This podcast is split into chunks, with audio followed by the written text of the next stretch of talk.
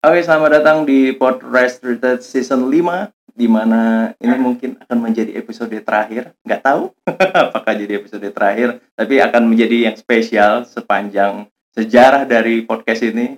Nggak pernah-pernahnya kita interview artis yang sangat luar biasa sekali ya kan.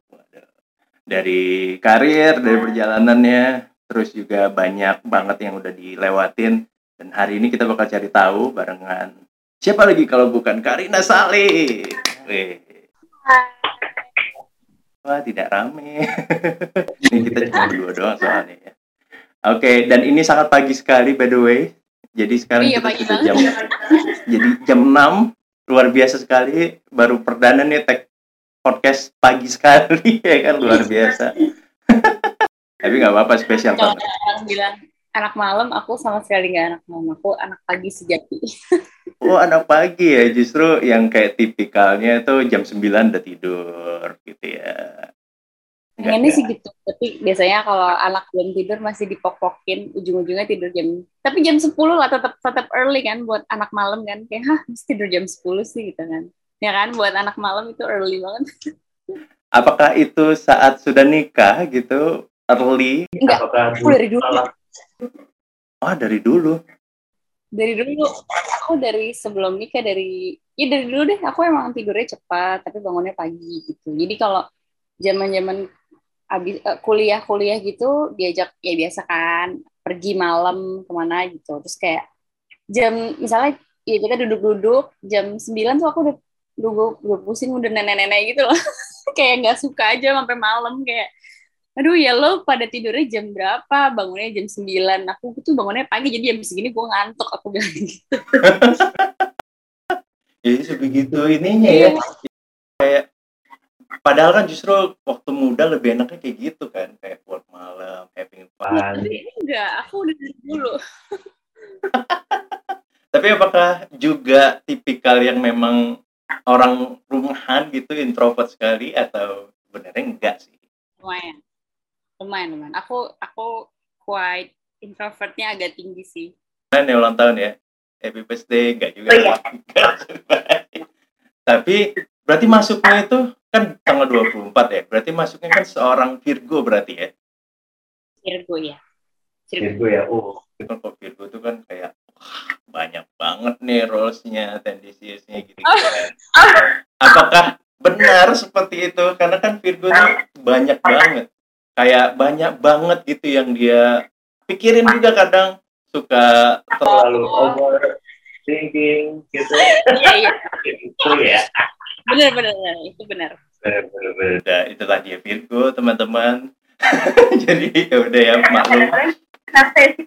Capek. Kebanyakan mikir perfeksionis gitu. Tapi mungkin selain Virgonya itu sendiri emang aku kayaknya uh, tahu HSP ya sih Mas Arif? High sensitive people itu atau empath. Jadi suka oh. suka terlalu berasa energi orang gitu. Jadi um, gimana ya? Good to, good thingsnya jadi kalau Mas Arif lagi ada masalah aku tanpa pas ngomong aku bisa tahu gitu kayak langsung berasa kayak I'm a good temen curhat gitu. Cuman kalau buat hari-hari capek gitu kalau ada orang samping aku marah even lagi di mana gitu berasa sama aku tuh kayak jadi aku cepet oke okay, sponge gitu loh narik narik oh. energi orang jadi udah aku Virgo terus kayak gitu pula jadi kayak duh capek banget di rumah aja deh di rumah aja deh berarti nih seorang yang INTP dong ya personalitinya ya Aku nggak tahu tuh, aku belum pernah cek. Pengen sih, pengen ngecek sih. Nanti kasih aku linknya ya, ngecek kayak gimana. Oh boleh, itu 16 personality sih biasanya. Soalnya kan hmm. kan itu sekarang jadi kayak acuan banget ya. Soalnya kita kan harus kenal banget kan kita kayak gimana segala macemnya. Okay. Jadi kalau ke orang pun juga orang bisa ngasih tahu, eh kalau gue nih kayak gini kekurangan. Tapi bagus nggak sih, mas? Aku menurut aku ya sekarang tuh orang tuh aware sama typical personality ya. Kalau dulu kan kayaknya orang uh, ya mungkin introvert extrovert pun belum terlalu digaungkan jadi kayaknya orang ish dia basi gitu atau kayak kalau yang kalau sukanya sama-sama yang introvert terus nggak yang extrovert tuh kayak Duh, dia berisik ah eh, capek sama dia kan kita nggak boleh ngejudge benar nggak sih maksudnya setiap orang kan beda-beda tapi sekarang tuh dengan orang-orang kayaknya aware sama mental health gitu-gitu kan terus uh, dengan tadi apa tuh yang in X yeah. Iya. uh, kayak INTP kayak personalities gitu iya yang gitu kayak oh dia emang tipe personalitinya kayak gini kita hargain. Jadi maksud aku aku suka sih sama ya walaupun dengan segala ininya sosial media tapi dengan kita jadi teredukasi sama hal-hal itu jadi kita lebih appreciate kepribadian orang-orang menurut aku sih. Jadi eh, nggak nggak asing ya. lagi gitu ya. Ya benar nggak sih? Benar.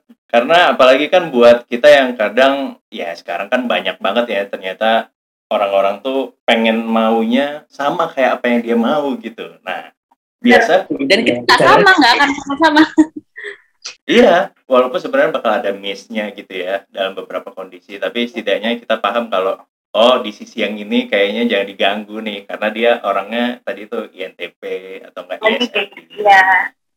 Iya, iya. Ya bagus banget ya apalagi sama Karina tuh kayaknya apa ya? Tipikal idaman nih pasti ya. idaman, idaman. Iya, karena peduli banget sama kayak gitu-gitu kan, sosiet banget, apalagi iya. apalagi memang dari yang dia kerjakan kan kayak kelas balet terus yang kayak gitu-gitu dan itu somewhere buat anak sekarang kayaknya nggak ada yang mikir deh yang mau jadi iya, iya. iya. apakah itu apakah mimpi maksudnya kayak keinginan gitu ya dari dulu pengen jadi seorang balerina or something gitu apakah memang kayak gitu gitu pengen nih uh, kalau balet sih sebenarnya simply diikutin ibu lah, diikutin orang tua gitu waktu masih kecil. Um, tapi sebenarnya emang along the way ya pastinya jadi jatuh cinta ya pas SD gitu, SMP udah udah mulai jatuh cinta. Cuman um, uh, tapi sebenarnya gini ya balet tuh aku sama balet tuh kayak love and hate relationship. Balet tuh ngajarin aku banyak hal lebih daripada sekolah menurut aku ya itu tuh balet tuh bukan cuma les jadi tuh uh, aku sekolah di sekolah balet Namarina yang memang sertifikasinya dari UK dari the, the Royal Academy of Dance London yang serius jadi ada grade-nya setiap mau naik kelas tuh ujiannya pengujinya dari UK langsung yang serius bayarnya juga luar biasa harganya gitu yang pokoknya banyak banget yang diajarin terutama disiplin sama tentang menghargai proses. Jadi tuh aku merasa kayak um, dipecut mentalnya gitu loh. Kayak kita terbiasa untuk lo mau you wanna get here then you you need to pass this process gitu. Misalkan balet itu kayak ada gerakan yang gimana ya uh, yang split split terbang gitu loh gitu nah caranya untuk sampai ke situ ada kayak ribuan kali gerakan-gerakan kecil yang setiap hari itu harus dilakuin dan untuk bisa ngelakuin ini tuh butuh berapa lama dan setiap harinya apa yang udah lo lakuin untuk ke situ. Dan itu baru satu gerakan belum yang lainnya. Jadi kita terbiasa untuk gimana ya? Uh, dan itu dari kecil. Jadi sebenarnya ada momen aku tuh sempet capek gitu loh karena kayak aduh uh, pengen kayak anak-anak lain pulang sekolah main segala macem. Tapi aku enggak dibiasain dari kecil. Cuman sekarang pas udah dewasa baru berasa gitu. Oh iya ya dulu tuh kecil belajar balet tuh disiplin kayak gini-gini. Jadi tahu kita tuh nggak nggak selalu boleh berpatokan nama hasil. Harus susah ya aduh panjang banget prosesnya. Tapi ya memang kalau mau ke sana harus lewatin ini dulu. Jadi ternyata oh ya ya bersyukur banget dari kecil tuh udah diajarin itu gitu sih. Jadi kayak love and hate sih apalagi itu kan apa ya istilahnya ya kayak di di di tanah itu tuh lo harus lurus banget gitu nggak iya. kakinya bener jadi sebenarnya untuk bisa ke situ itu juga lama ya? Apakah full, bisa cepat? Itu proses banget, panjang banget. Jadi kalau ngeliat oh. balerina ya mungkin aku tuh nggak nggak seberapa lah, nggak aku tuh nggak yang jago-jago banget gitu. Cuman um, balet tuh sebenarnya menurut aku ya kalau lo nggak lentur nggak rajin latihan itu melakukan tariannya tuh painful loh beneran painful tapi gimana di panggung itu bisa terlihat sangat lembut, indah, padahal itu semua tuh pakai otot yang ototnya tuh gila-gilaan. Kalau the real ballerina tuh badannya tuh kering, ototnya semua jadi karena uh, dan bukan karena diet juga emang karena pakai semua otot. Jadi sebelah tuh susah banget beneran deh. Aduh, susah itu. Jadi uh, ya at least aku dapat dapat experience-nya untuk untuk work harder gitu untuk jangan nyerah jangan segitu aja. Dan tahu untuk ya itu yang tadi ya to achieve here dan lo mesti lewatin proses dan gak ya sadar akan itu. Kan sekarang kita kadang suka pengen yang cepet aja gitu ya tapi ya well udah belajar. kan banyak orang yang biasanya ya kalau itu kan sebenarnya bukan keinginan dari kita ya kayak hmm. Disuruh orang tua gitu Mm, mm, mm. Nah itu kan biasanya suka bertentangan gitu kan kayak ah, kayaknya bukan di sini gitu tapi tetap gue jalanin gitu kan. Nah apakah seorang Iya. Karina tuh kayak gitu? Sempet kayak gitu? Um, jadi iya aku aku emang gini aku kan basically setelah menengok ke belakang I- I can call myself seorang penari ya karena memang udah puluhan tahun di balet walaupun aku nggak yang uh, lurus-lurus balet banget aku suka belok-belok ke ada nama tariannya tuh jazz Mas Arif jazz balet uh, kontemporer hip hop dan aku lebih suka ke sana sebenarnya gitu Um, walaupun ibuku dulu Oh ini main-main doang ya, kamu harus seriusnya di sini. Bahkan ibuku pernah bilang gini dulu pas lulus SMA. Uh, ibu nggak apa-apa, kamu nggak usah yang masuk UI atau harus jadi dokter, jadi pengacara. Buat ibu tuh nggak penting, tapi tolong kamu selesaikan balet kamu. Maksudnya dapat sertifikasi ya mas, Bener kan ada gelarnya juga ya di, di balet. Seriusin, terus uh, apa namanya? Terus pas aku kuliah, aku pernah cuti kuliah tuh satu semester buat aku ikut ada namanya on rock musikal uh, sutradaranya Joko Anwar waktu itu itu pertama kali sebelum aku main film ya dan di situ aku juga kaget ibuku nggak kecewa sama sekali. Ya udah cuman pokoknya ibuku asik lah buat e- e- edukasi tuh nggak yang terlalu gimana. Oke oke uh, cuti satu semester. Tapi baletnya harus tetap ya. Jadi kayak ibuku tuh balet tuh harus gitu. Um, aku juga nggak tahu kenapa. Mungkin maksudnya tahu ya kalau di masa depan tuh perempuan uh, mungkin uh, punya sesuatu hal yang lain bisa menjadi lebih peg menjadi pegangan gitu. Kayak mungkin aku bisa sam- mungkin jadi ibu sambil kerja tapi bisa mungkin punya sekolah balet gitu kali ya. Ibuku dari dulu udah mikirin. Tapi ya well balik lagi ke pertanyaan gimana rasanya di agak dipaksa ya? Aku memang jadinya semakin dipaksa aku semakin nari which aku nggak selesai. Jadi aku aku nggak nggak be- belum dapat gelar gitu. Aku udah veteran berapa berapa 10 tahun kali di satu level yang abis ini tuh kayak kuliah dari TK sampai kuliah nah ini aku udah di kuliah semester akhir skripsi tapi aku nggak lulus lulus sidangnya. Karena saking susahnya terus aku jadi marah gitu sama diri sendiri. Akhirnya aku cabut. Dan ibuku sempat kecewa banget kayak "Oh, kamu nggak selesai? Dan sampai sekarang belum selesai. Tapi ya itu ya Oh. benar kata Mas Arif tadi. Karena itu tadi menarik pertanyaannya. Karena dipak bukan dipaksa sih terlalu diginiin gitu ya mungkin kalau orang lain kamu harus kul orang tuanya lawyer kamu harus jadi lawyer. Dia nggak mau dipaksa semakin dipaksa oke sampai selesai tapi malah dia nggak jadi lawyer dia tiba jadi penyanyi jadi apa. Nah aku malah dipaksa di balet tuh jadi kok gue jadi gimana ya gitu.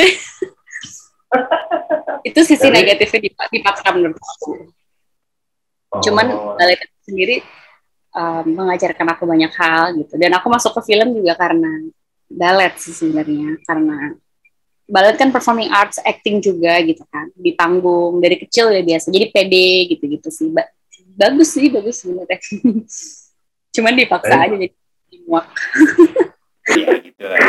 Ya some reason Hmm. pasti ada alasannya. Cuma kita kayak telah tahu gitu kan. Nggak tahu, dari tahu. awal gitu. Oh ternyata kebutuhan aku ikut ini karena ini karena ini karena ini. Kalau gitu kan gue oh ya udah kalau gitu nggak dari dulu gitu kan Iya, iya. jadi iya benar. excitednya itu ada gitu loh untuk kenapa sih orang tuaku kenapa nyuruh tapi nggak ngasih tahu gitu alasannya? Ya buat ini buat ini buat ini. Oh ternyata baru berasanya tuh sekarang. Cuma kan nggak selesai ya. Jadi kayak iya iya. Ya kayak sia-sia. Itu mungkin satu pelajarannya ya. Dan itu juga yang membuat bisa masuk ke film. Atau Benar. gimana? benar. Awalnya gimana berarti? Em, intinya sih gini sih mas. Kan balet itu tuh misalnya pementasan tahun ini adalah temanya Cinderella. Eh, Hmm. kan pasti ada audisi kan siapa yang jadi Cinderella? Jadi ibu tiri jadi dua kakak ini yang jadi bla bla bla bla. Nah kan udah terbiasa dari dulu ada audisi lah maksudnya. Eh, walaupun actingnya nggak yang acting acting banget tapi kita udah terbiasa main role kan dan pede gitu. Maksudnya dan udah biasa tampil. Jadi waktu itu tahun 2010 ketika ada audisi uh, drama musikal salah satu yang terbesar di Indonesia ya. Joko Anwar waktu itu bikin audisi ya udah aku uh, ikut audisi on rock musikal. Aku melamar sebagai penari of course karena kan di situ ada di formulirnya penyanyi aktor penari. Sama semuanya mau jadi semuanya. Ya aku of course contrengin iya bisa. Contrengin penari. Karena ya gue penari gue bukan gue nggak bisa acting gitu kan dulu mikirnya. Terus uh, pas aku daftar uh, turns out waktu itu kalau aku nggak salah penari-penari yang lain mungkin audisinya mungkin lebih sedikit ya. Berapa kali gitu tiga atau empat kali. Nah aku tuh agak dipanggil berkali-kali karena mungkin nggak tahu katanya dulu mau dicek mau dicoba sebagai uh, salah satu pemainnya juga kali ya untuk acting. Tapi karena aku ternyata belum ada basic tetap aja kental nggak keterima jadi penari. Nah di situlah aku uh, mulai banyak di digembleng ya, digembleng soal acting dari dari on musikal itu sih dari Bang Joko Anwar gitu. Oke, jadi awalnya di itu teater jatuhnya. Teater atau... tapi aku sebagai penari, sebagai penari. Nah di situ kan kenal sama orang-orang film gitu sih. Jadi uh, intinya awal mulanya uh, dari teater teater yang bukan balet. Tadi kan aku kan dari dulu dari sekolah balet nih setiap tahun. Terus ikut audisi pementasan besar yang disutradarai oleh sutradara film gitu kan. Jadi dapat linknya dari situ dan pengalaman dan skill segala macam. Ya akhirnya aku baru ikut teater beneran lah uh, belajar habis itu baru ikut audisi film. Maksudnya tetap jembatannya menurut aku kalau aku nggak balet dulu I don't know how to get there gitu. Ya nggak sih kan orang suka bingung gimana sih cara masuk ke dunia film? Aku merasa ya balet membawa aku banyak bekal banyak bekal. gitu itu benar banget sih. Kayak aku juga waktu pertama kali sebelum masuk ke siaran gitu ke dunia yang broadcastnya justru emang awalnya dari videografer dulu fotografer dulu yang which is bukan nah, itu sebenarnya Mas Arif. Kalau ya, videografer benar-benar jadi kayak apa ya aduh gue kan pengennya dari awal ini tuh gitu kejar kayak ke siaran ke dunia broadcast tadi. Loh kok nggak ada jalannya ya ya udahlah akhirnya mungkin masuk dulu nih sebagai siapa gitu jadi apa. Karena oh, juga gitu.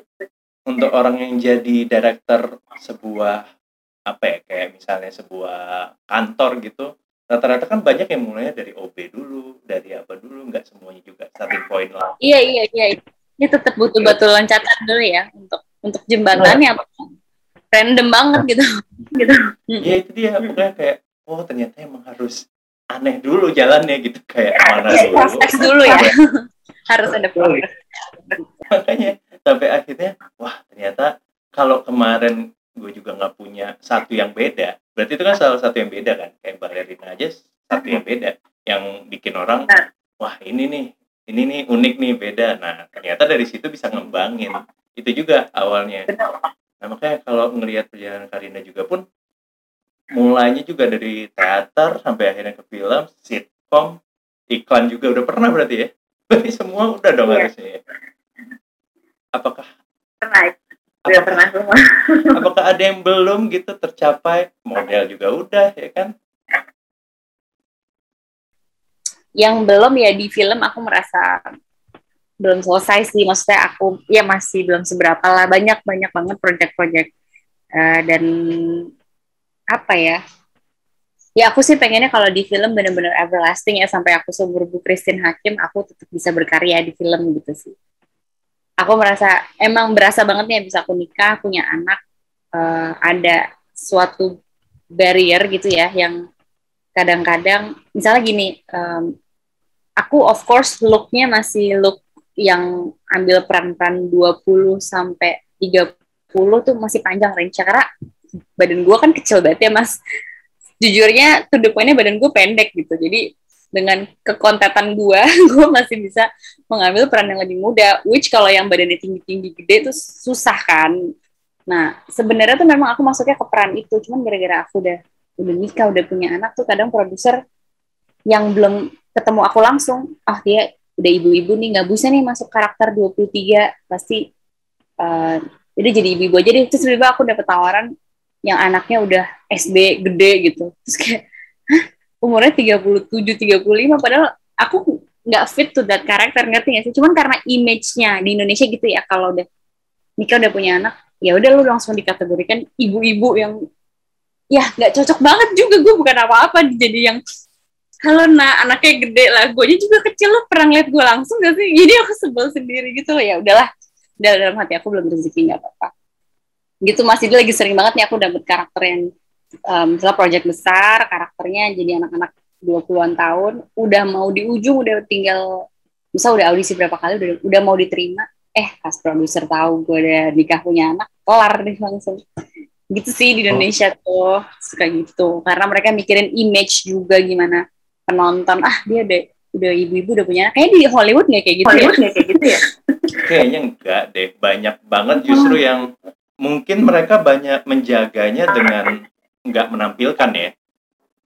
Jadi uh, benar sih juga ya karena kan di sana nggak yang sosial media banget gitu cuman ya gitulah kalau kalau laki-laki tuh santai mas. Maksudnya mau punya anak tujuh lima belas juga nggak salah gitu. Tapi kalau perempuan tuh agak gitu. Dan itu di dunia musik juga setahu aku deh. Kecuali udah se uh, establish Kaisa gitu tapi kalau masih mungkin masih sambil menjajaki terus udah keburu nikah punya anak agak kelar tuh penyanyi katanya sih jadi aku nggak tahu ya aku bukan bukan uh, profesional di bidangnya jadi ya.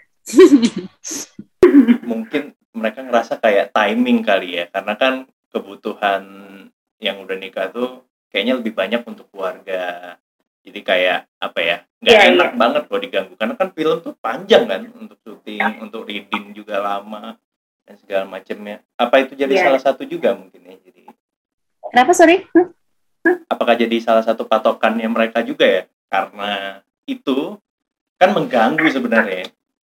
Enggak kalau yang aku tahu uh, ketika film udah mau rilis kan butuh promo ya. Promo makanya orang-orang suka bikin kalau yang bukan film bagus nih biasanya suka bikin gimmick-gimmick gitu kan biar diomongin gitu. Tapi kalau film yang beneran setidaknya butuh untuk naikin aktor-aktornya dulu deh dibuat di, dimunculin di mana-mana gitu supaya promo filmnya bagus. Nah, hmm. biasanya kalau yang masih single kan masih di lu, lu kan lah setidaknya sama anak muda kayak aduh ganteng banget, cantik banget ah gitu kan. Ngefans aduh suka tapi ketika biasanya nih image-nya kalau ah aduh suka banget ganteng banget ah, udah nikah ah, udah punya anak nggak jadi deh. Nah, akhirnya orang tuh nggak jadi ngefans. Maksudnya tuh produser suka kayak gitu loh, Mas. Jadi kayak nanti gimana diidolain kan nih orang udah punya anak orang ibu-ibu gitu agak ke situ hmm. di considernya gitu tapi mungkin produser belum tahu kalau zaman sekarang banyak banget yang suka sama tante-tante muda Wah banyak banget seperti Wulan Guritno. Iya iya, iya iya. Wah dia sih gila. Sofia iya, coba ya gila. Uh -uh, maksudnya kayak ya oke okay lah perkara badinya seperti apa dan segala macam. Kayaknya nggak ada bedanya apalagi untuk Karin yang main di The East aja tuh orang banyak yang nggak tahu loh kalau udah nikah gitu. Dari teater terus ke film ke sitkom ada ngerasa gap sendiri nggak sih untuk apa ya untuk meraninnya gitu? Karena itu kan beda-beda semua kan. Uh ada banget banget. Teater sendiri sama film aja udah beda banget. Kayak uh, dulu pas di teater kan gini teater itu kita di panggung, nah pen, gimana caranya penonton yang di tribun atas, di balkon, di ujung-ujung bisa tetap berasa uh, energinya, emosinya. Jadi kita gesture tuh harus gede gitu, harus grande gitu loh mas, kayak ekspresi juga. Tapi, uh, nah kalau di film dulu pas film pertama aku yang sama Molly Surya, yang What They Don't Talk itu, pada saat lagi sebelum syuting masih reading, masih pendalaman karakter, ibaratnya nih Mbak Molly tuh kayak ini aku gede uh, cara aku berakting begini nama dia. Kayak Karina kamu kalau main film nih ya Alis kamu cuman gini aja tuh udah di, di film bisa jadi besar. Kamu hati-hati. Oh, oh iya iya oke. Okay. cuman kamu ngelirik gini kamu sama ngelirik tuh udah jadi sesuatu yang berbeda. Jadi kamu hati-hati. Oh ya ya oke. Okay. Karena ya biasanya gue di teater gue besar gerakan gue kan. Jadi beda banget itu mas. Bener itu pertanyaan bagus. Jadi aku lumayan dulu awal-awal uh, mencoba bikin yang natural di film. boleh. Ada anakku lagi nanya permen. Boleh ambil permen. uh, ya gitu jadi kayak oke okay, belajar untuk mikro ekspresi gitu-gitu dan ternyata wah uh, menarik nih di film tuh gimana caranya kita cuman ya cuman kayak uh, dengan nggak ada perubahan alis naik atau ekspresi sedikit pun tapi dapat mesti uh, terpukulnya tuh gimana gitu kan. Kalau di teater mungkin agak berbeda gitu ya. Menurut aku. Nggak enak nih kalau yang nonton ada pakarnya. Cuman menurut aku setidaknya seperti itu. Ada gitu. Dari teater dari teater ke film oke okay. berarti ke sitkom pun untuk ngerubah image as uh, um, Karin yang apa ya itu kan beda banget ya. Itu jauh banget yang apakah Karin tuh seperti itu juga nggak sih? Kayak apa namanya? Enggak enggak enggak, enggak. lurus banget. Enggak enggak. Aku aku beda banget sama ya itu karakter Mbak Karin di The East sesuatu yang dibuat lah. Di ya emang di Taylor supaya menjadi gitu aku aslinya nggak kayak gitu cuman bedanya kalau di sitcom paling um, sama film apa ya kadang-kadang memang permennya coba tanya sama itu tuh Mbak Susi ada di meja iklan. apa-apa. apa namanya? Sorry tadi oh, ngomongin sitkom. Kalau sitkom itu tuh biasanya harus ada tujuannya buat penonton ketawa. Nah, um, itu yang masih menjadi PR aku bahwa kadang kalau lagi acting, aku tuh juga jangan terlalu serius-serius banget. Bukan serius sih, maksudnya harus ada melakukan ini, tapi harus ada terkesan lucu gitu loh. Kebayangan kan di The East kan ada adegan-adegan yang emang dibuat harusnya lucu gitu. Nah itu aku suka, menurut aku malah susah sih sitcom karena mungkin harus orang yang emang biasa ngelucu kayak Tante Ginting gitu. Tante, dia bisa emang karakternya serius tapi dia bisa ngebelokin jadi buat orang ketawa gitu.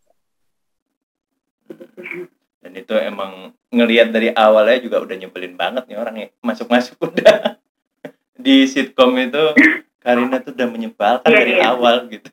Iya iya emang aku juga pas kalau nonton aduh diganggu banget reset lah.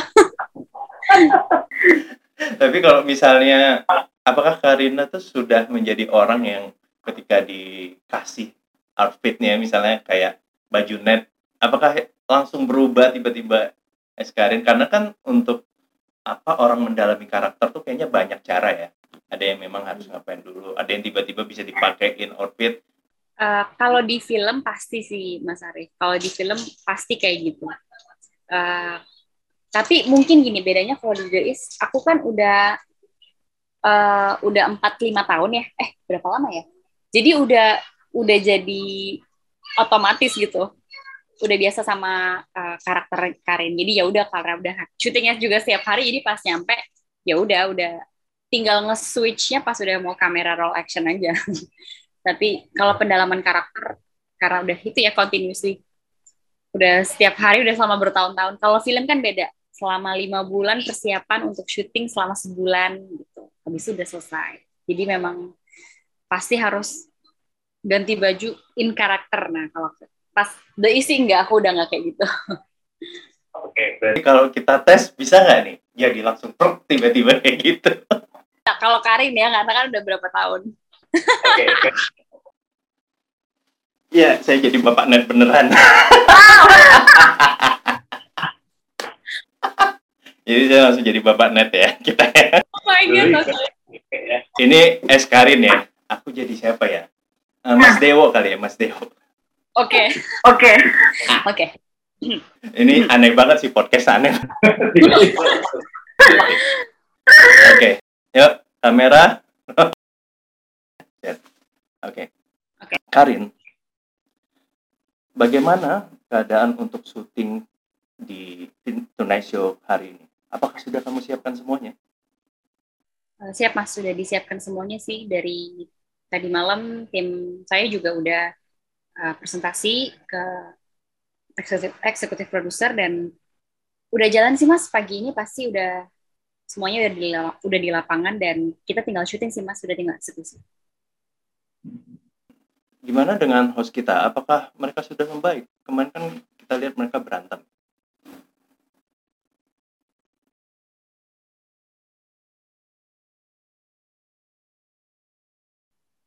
Terus terang memang saya belum tahu tentang uh, host lagi ada masalah ya mas. Tapi coba saya akan cari tahu dan harusnya sih mereka profesional ya mas nggak akan berpengaruh sih sama uh, sama syuting gitu. Jadi saya akan pastiin beres mas.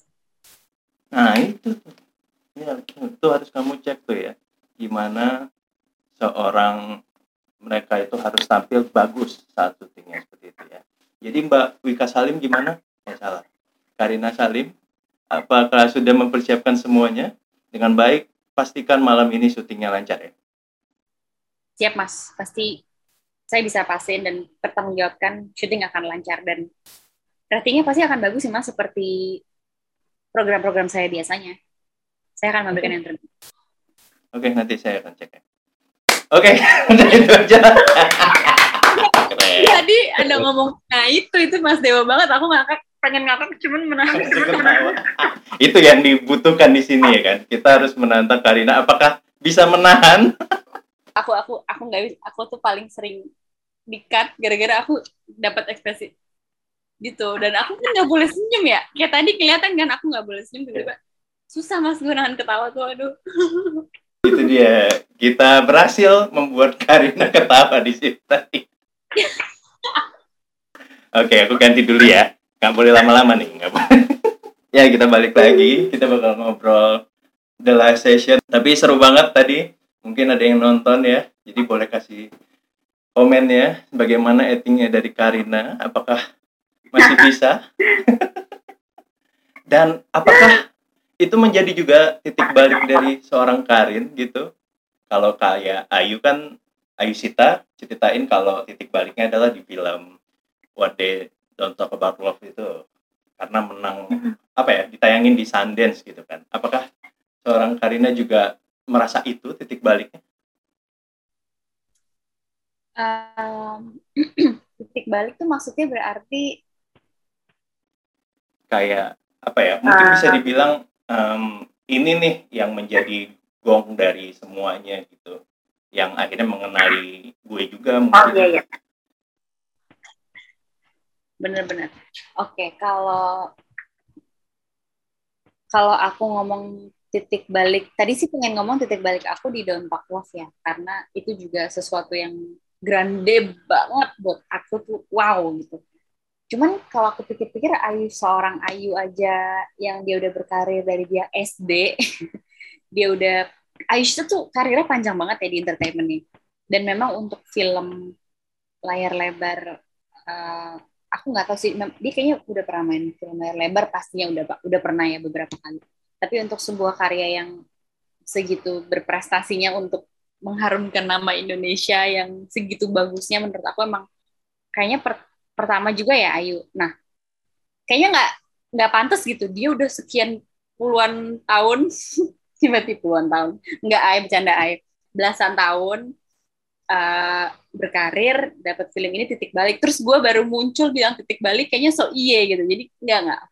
Bener, mungkin di Karin ya. Walaupun walaupun The Is bukan film, tapi buat aku membekas ya karena um, ya mungkin pertama kali aku ada di di layar kaca gitu sih Mas Arif karena kan beda ya orang yang uh, gede di TV itu pasti engagement ke orang tuh lebih ya gitu ya intinya beda kan bahkan kalau orang yang ada di TV itu pasti penontonnya lebih lebih gimana ya?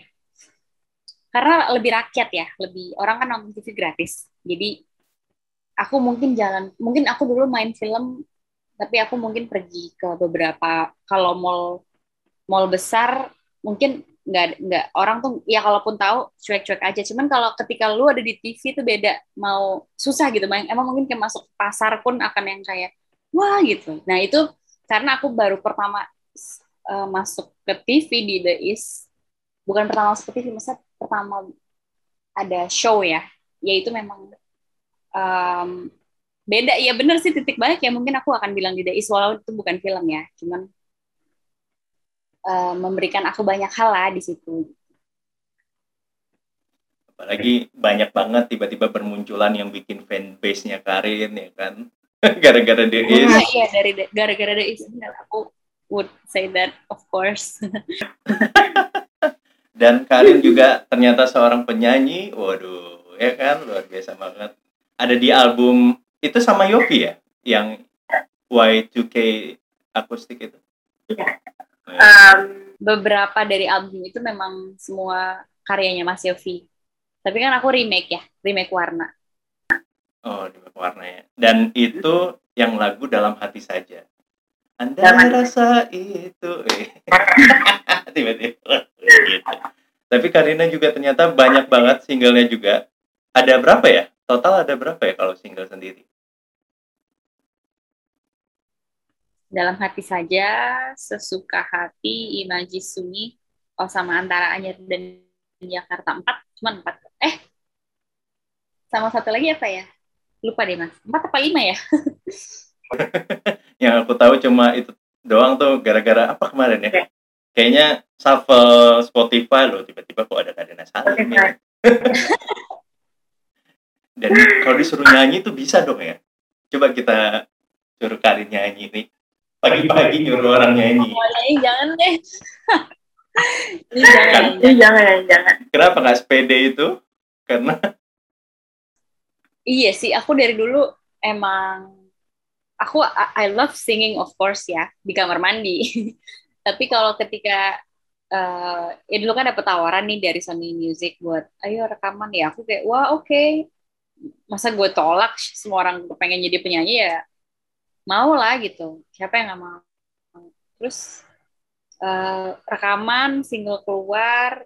Seneng oh ternyata jadi penyanyi menurut aku lebih enak nih nyari duitnya daripada pemain pemain film. Karena kan kalau pemain ini prosesnya panjang banget dari reading syuting aja sebulan dua minggu sampai sebulan sendiri udah selesai. Prosesnya panjang ada post production baru tayang di di bioskop gitu. Tapi kalau nyanyi kayak cepet banget gitu turnovernya ya belum lagi kalau ada off air off air cuman ternyata aku agak anxiety ya kalau kalau kalau perform nyanyi. Nggak tahu deh. Maksudnya oh aku tahu alasannya. Menurut aku penyanyi tuh hebat ya karena mereka nih mereka nyanyi ya. Mereka memberikan seninya terus langsung ditonton dan langsung dapet feedback. Wah oke suka wah tepuk tangan. Jadi langsung. Nah kalau film kan nggak gitu ya antar kamera aja nanti bagaimana feedbacknya ketika filmnya udah jadi ditonton. Nah aku tuh berasa kayak gimana ya? Aku tuh dulu setiap lagi off air tuh kayak eh, nggak tahu deh aku selalu ya mungkin kata lainnya nervous ya cuman bukan nervous yang bukan demam panggung karena aku aku tuh nggak nggak demam panggungan anaknya udah biasa udah bisa tampil. Tapi kayak nggak tahu deh langsung kan kita ngeliat ini orang suka apa enggak kita tuh depan mata langsung gitu. Jadi, kayaknya gue em- emang nggak cocok kali ya. Bukan nggak cocok kayaknya memang sama kayaknya dengan apa ya Karin S eh, teater film gitu itu kan memang bener-bener perlu jam terbang panjang. Iya sih Kalau- mungkin jam terbang aja ya bener juga sih. Kan Ya, jam terbang aku juga sedikit banget. Mm-mm, kalau misalnya memang jam terbang dinyanyinya diterusin wow soon ya will be lah ya. Mungkin soon will be. Bener-bener apa mungkin tiba-tiba bisa jadi TV host ya kan? Entah jadi pembawa acara di insert atau semacamnya gitu. padahal dia nggak suka gosip ya. Malah dia bawa acara gosip. Tuh wah menarik juga tuh ya kan? Host yang nggak oh iya iya bener ya Iya. bener juga. luar biasa tuh. Ini pun juga aneh ya tiba-tiba bisa ngajar gitu dan oke itu oh sambut iya. Ya gue sampai lupa. Kita juga sama gitu kan dan tiba-tiba wow ngajar juga gitu. Itu Iya, ya. apa ya? Apa ya? Kok bisa dibilang apa karena punya bekalnya di situ atau gimana? Awalnya pun juga gimana kalau ngajar emang dari dulu sih kayaknya calling ya emang kepengen deh ngajar aku suka ngajar tapi bukan mau jadi guru guru SD guru SMP gitu enggak karena aku tahu aku tuh enggak yang gimana ya eh, kalau aku boleh milih sebagai anak kecil, aku akan minta masukin ke sekolah Montessori apa sekolah internasional yang nggak dijejelin harus belajar semuanya. Kan kayak gini ya, misalnya burung, lo mau paksa burung untuk lari yang nggak akan bisa karena dia bisa terbang ya kan? Kayak harimau dia sekeren itu dia sestrong itu. Tapi lo mau nyuruh harimau terbang kan nggak bisa. Dia bukan burung. Jadi kan menurut aku kayak semua anak tuh punya ininya masing-masing lo. Kalau masukin ke ya gitu ya. Duh ngomongin edukasi susah lagi deh. Mau masukin sekolah yang gitu aja reguler disuruh belajar segala macam ya aku uh, apa namanya I'm not good at it gitu. Jadi aku tahu kalaupun suatu hari gue mau ngajar gue nggak mungkin ngajar fisika gitu. Kimia gitu kan nggak mungkin. Uh, sejarah gitu geometri nggak mungkin. Tapi aku selalu dari dari dari dari SMA ya aku selalu tahu gitu kayaknya gue punya sesuatu yang besar banget di seni gitu. dan aku pengen suatu hari pengen ngajar. Dulu mungkin mikirnya aku masih belum tahu apa. Terus pas aku ikut uh, institusi tersebut ya mas memang belajar di sana kok aku suka nih yang sesuatu yang gimana ya maksudnya memang praktikal untuk kehidupan ya langsung langsung bisa dipakai dan turns out itu semua sudah aku dapatkan selama aku bekerja di industri ini. Saat itu kepake semua ya mas. Sebelum aku ikut ini, jadi kayak pas aku aku praktek dulu, baru ikut teori. Pas teorinya, iya iya bener. Oh pantesan dulu gue begini, pantesan kok uh, lawan kerja suka begini karena kita nggak begini gitu gitu. Udah deh pas ujian, ujian waktu itu loh mas, kita sama-sama pra ujian. Um, ya aku bilang kalau salah satu kan ditanya ya salah satu ininya apa aku bilang kalau memang pengen banget bisa give back to others kayaknya aku tuh lewat ngajar calling aku tuh di ngajar gitu senang bisa berbagi um, ya udah abis itu ya dapat kesempatan itu dari situ gitu uh, ya intinya aku ngerasa calling aku kan orang mungkin callingnya ada yang ikut kegiatan sosial atau apa ya untuk membantu sesama untuk give back to the to the apa people surround you ya. Nah kalau aku tuh palingnya tuh ngajar sih, seneng aja buat share minimal masih gini. Aku aku udah kerja dari masih kuliah. Mungkin ada, mungkin banyak juga yang dari SMA udah kerja banyak, lebih banyak dari aku pasti. Tapi mungkin ada yang enggak. Mungkin kan yang ikut institusi ini kan orang-orang yang jarang tuh yang misalnya SMA kuliah udah kerja, bener gak sih? Soalnya kan yang udah kerja yeah. biasanya mungkin butuh secara ekonomi. Nah, aku tuh dari kuliah awal aku udah kerja dengan segala uh, warna-warni hitam putih darah keringat di baliknya. Dan mungkin nggak banyak juga yang bekerja di industri ini mau ngajar ke sini. Jadi aku pengen aja bisa apa berbagi lah gitu ya. Walaupun mungkin pelajarannya bukan tentang ini, tapi masih bisa diselipin terhadap apa yang udah aku laluin gitu sih. Hmm.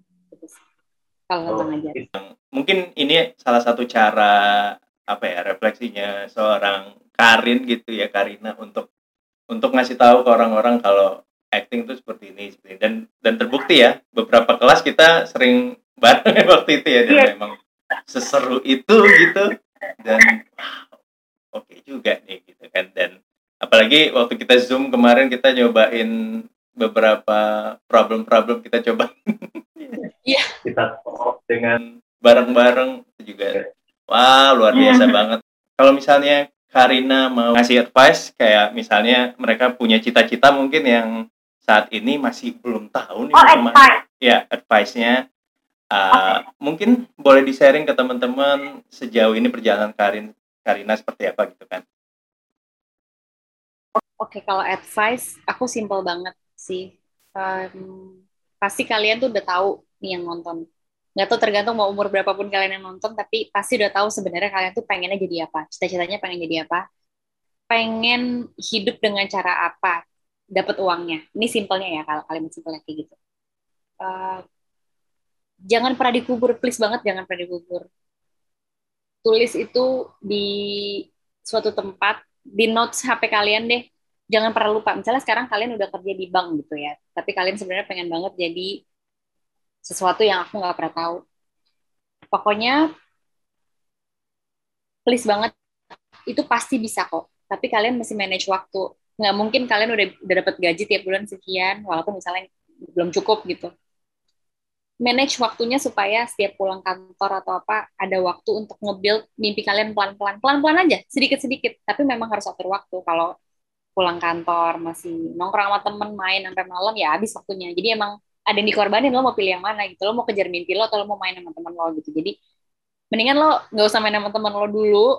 Main boleh sebentar 40 menit cukup lah nggak perlu tiga jam kan itu beda kan jadi sisanya lo bisa build mimpi lo ketika nanti udah lo build pelan-pelan sampai lo bisa cari cara uangnya gimana.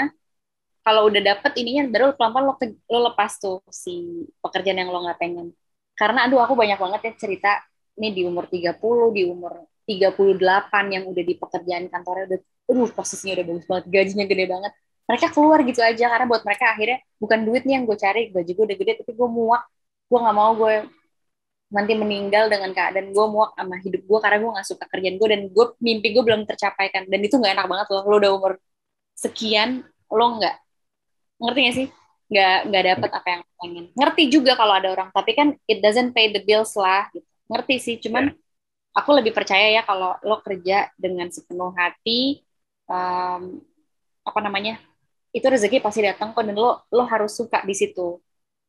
Tapi jangan langsung ditinggalin pekerjaan utamanya yang memberikan lo bulanan yang stable. Jadi pelan-pelan emang mesti dibuild dulu gitu. Ya mungkin butuh dua tiga tahun tapi daripada nggak sama sekali daripada lo seumur hidup stuck mendingan lo bikin tiga tahun lo build dulu. Ibaratnya bisnis kecil-kecil dulu sampai udah ini baru lo lepas. Yang penting jangan pernah dikubur um, lo sukanya apa gitu sih karena aku udah banyak banget lagi lagi banyak nih dengar orang-orang yang udah menjelang 40 pun leave their job di highest paid-nya mereka karena mereka nggak bahagia itu banyak banget gitu sih kalau kalau boleh berbagi. Oke, wow. Jadi intinya daripada kalian karena mimpi itu bakal terus ada gitu. Oh enggak gitu. Bakal terus oh, ada. Itu kan ngehancurin lo sampai tua, nggak enak banget. Mendingan lo do it daripada lo mau nongkrong sama teman-teman nggak apa-apa. Tetap main dong sama temen jangan ditinggal. Tapi bentar aja nggak usah. Tiga jam. Kecap ya, jangan lama-lama gitu. Yang faedah aja lah udah ngobrol bentar udah cabut. Terus lo build your dreams lagi. Ya bener banget. Dan karena sampai kapan pun dia bakal ada jadi emang lo harus kejar. Karena nantinya akan berbentuk sebagai apa ya akan berbentuk menjadi penyesalan kalau misalnya lo nggak capai dari saat ya. ini gitu kan. Dan benar-benar pasti ah nggak enak banget. nggak enak nggak enak banget. Dan mungkin mungkin banyak banget ya di sini yang belum mencapai titik itu. Ya seperti Karin tadi juga mungkin ada prosesnya sendiri gitu kan. Semua orang punya prosesnya sendiri. Jadi ya we don't know bakal seperti apa. Tiba-tiba gue jadi penyanyi nggak tahu gitu kan. Bisa jadi bisa, bisa. benar. Nanti Sun wah jadi apa? Gitu kan kita nggak pernah tahu jadi speaker yang wow luar biasa gitu. Ya will sih semuanya tapi ya tetap dinikmatin prosesnya aja kalau gitu. Oke okay, kalau gitu terima kasih banyak Karina Salim wah terima kasih telah memberikan cerita yang unik ya kan? As soon as possible kita bisa bertemu dan ngobrol lebih banyak lagi. Ya mungkin kita bisa bikin banyak episode nanti ya sama Karina Salim. Boleh, boleh, boleh. Oke, okay, kalau begitu teman-teman terima kasih sudah menonton kali ini dan terima kasih juga yang sudah mendengarkan di Spotify, Apple Podcast dan lainnya. Sampai ketemu di episode selanjutnya dan silakan tiga kata dari Karin kalau bisa disebutkan pagi ini apa? Tiga kata. Tiga kata ini ini ini buat buat penonton atau tentang aku? Ya tentang Karin boleh. Boleh. Oh tentang aku. Um, ya yeah, always be mindful. Buat teman-teman dan buat aku juga untuk pengingat aku harus selalu mindful mau apa mau ngapain apa pun itu. ya, ya, as a Virgo yang overthinking ya, jadi itu mindful penting banget. Oh, banget. Oke kalau begitu. Terima kasih banyak semuanya juga Mas Arif. Thank you so much. Bye. Bye. Dan terima kasih semuanya sudah nonton. Yang terima kasih juga sudah mendengarkan. Have a, have a good day. Bye.